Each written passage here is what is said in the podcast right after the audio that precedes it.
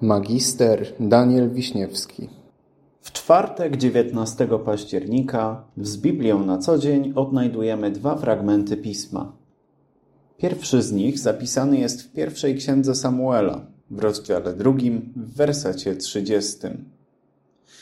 Pan mówi: Tych, którzy mnie czczą, i ja uczczę, a którzy mną gardzą, będą zgardzeni.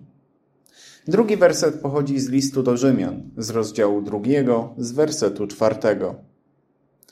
Może lekceważysz bogactwo Jego dobroci i cierpliwości i pobłażliwości, nie zważając na to, że dobroć Boża do upamiętania Cię prowadzi. Kiedy byłem małym chłopcem, przez długi czas jednym z takich moich największych marzeń była jedna konkretna zabawka. Myślałem o niej bardzo często. Śniła mi się nawet. Ale niestety, rodzina miała w tym czasie inne zmartwienia. Opał, jedzenie, pieniądze inwestowane na budowę domu. Po wielomiesięcznym naciąganiu rodziców na tę zabawkę, jednak mi się udało. W końcu na święta wylądowała w moich dłoniach. Cóż to była za radość! A dwa tygodnie później już o niej zapomniałem. Już na horyzoncie pojawiła się następna rzecz, którą muszę mieć. Tak już jest z dziećmi. Potrafią o czymś śnić dniami i nocami, krzyczeć, prosić. A kiedy już to dostaną, to zaraz szybko się tym nudzą. Takie podejście jednak, mimo że jego charakter się oczywiście zmienia, towarzyszy nam również często w życiu dorosłym. I pięknie opisuje to chociażby nasza dzisiejsza historia zawarta w pierwszej księdze Samuela. Mamy tam konkretnie opisaną historię dwóch ekstremów. Z jednej strony pojawia się postać Anny, kobiety przez bardzo długi czas swojego życia bezpłodnej, która najbardziej na świecie pragnęła mieć syna. Prosiła o to Boga żarliwie i wylewała przed nim swoje łzy. Obiecywała, że jeżeli jej prośba zostanie spełniona, to ona pośle tego syna do służby Bogu. I Bóg w końcu spełnił jej marzenie. A kiedy dziecko przyszło na świat, kobieta co do litery zrealizowała swoje obietnice. Młody chłopak wychowywany był przez nią w pobożności i posłany pod oko kapłana, by uczył się życia w bliskości Boga. Mało tego, Anna przepełniona była radością przez długi czas i wychwalała Boga za jego cuda. Była mu wierna. Z drugiej strony natomiast mamy postaci synów Heliego, kapłana w świątyni. Byli to chłopcy nieznający Boga, raczej może nie tyle nieznający, co pozbawieni do niego szacunku pomimo wychowywania się pod okiem człowieka pobożnego i świadomości tego, jak Bóg okazywał swoją wierność ich narodowi w poprzednich pokoleniach, oni tego zwyczajnie nie czuli. Gdy więc ludzie, kierowani oddaniem Panu, przynosili ofiary do spalenia, ci młodzieńcy je wyjadali. Tym samym żywili się na materialnych dowodach oddania Bogu innych ludzi. Z jednej strony mamy więc przykład tego, jak zachowywać się należy. Z drugiej strony antyprzykład, czego w życiu unikać. Co ciekawe, Anna dzięki swojemu oddaniu została przez Boga pobłogosławiona i otrzymała od Niego jeszcze więcej dzieci, co było dla niej najważniejsze na świecie.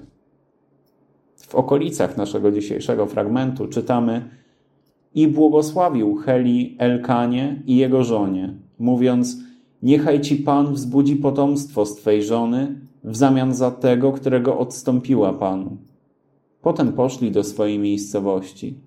I wejrzał Pan na Annę i poczęła. I porodziła trzech synów i dwie córki. Pacholę Samuel zaś wzrastało przed Panem. Anna więc, dzięki swojej wierności, stała się najszczęśliwszą kobietą w okolicy. Młodzieńców Heliego spotkał natomiast inny los. Od 27 wersetu czytamy, jak do Heliego przybył właśnie w ich sprawie pewien tajemniczy mąż, posłaniec samego Boga. Zaczął on najpierw wymieniać wszystkie dowody wierności Boga znane Heliemu. Czytamy, i przyszedł pewien mąż Boży do Heliego i rzekł do niego, tak mówi Pan, zaiste objawiłem się domowi Twego ojca, gdy byli w Egipcie, poddani domowi Faraona.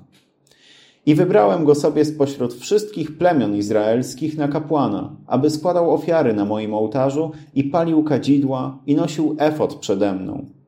I dałem domowi Twego ojca wszystkie ofiary ogniowe synów izraelskich. A potem dodaje, Dlaczego wzgardziliście moją ofiarą ze zwierząt i z pokarmów, które nakazałem sprawować w moim przybytku? Ty zaś cenisz synów swoich więcej ode mnie, abyście się utuczyli z pierwocin wszystkich ofiar Izraela, mojego ludu.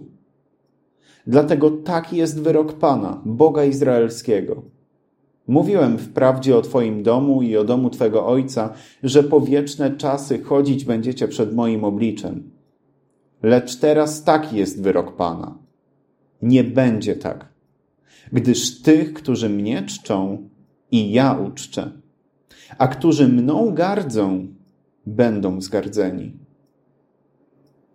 Poprzez swojego sługę Bóg przypomniał Heliemu te wszystkie przeszłe dowody swojej wierności i przymierze, które im zapewnił. Zaznaczył, jak to zapewnił jego bliskim bezpieczeństwo, a jego samego obdarzył ważną funkcją w społeczeństwie. Ale jak czytamy, zarówno Heli, jak i jego synowie, poruszając się w tej nowej rzeczywistości, prawdopodobnie do niej po prostu przywykli. Zaczęli ją brać za pewnik. Zapomnieli, że kiedyś było zdecydowanie gorzej. I koniec końców to ich zapominalstwo ignoranstwo zaowocowało rozpadnięciem się dotychczasowego życia na kawałki. Sprowadziło na nich liczne nieszczęścia i głęboki smutek. Wynika z tego wszystkiego dla nas bardzo ważna lekcja. Bóg jest pełen miłości, ale jest też sprawiedliwy. Jest pełen cierpliwości, ale nie da nam sobą w nieskończoność gardzić. Zwracajmy więc nasze myśli w Jego stronę i prowadźmy nasze życia tak, by być Mu wiernymi. Bo wszyscy ci, którzy podchodzą do naszego Ojca i Stworzyciela z miłością, tą miłość z ogromną nawiązką też otrzymają. Ale ci, którzy odwracają się tyłem na Jego dobrodziejstwa, cóż, ich życzenie też się spełni i pozostaną sami sobie. Amen.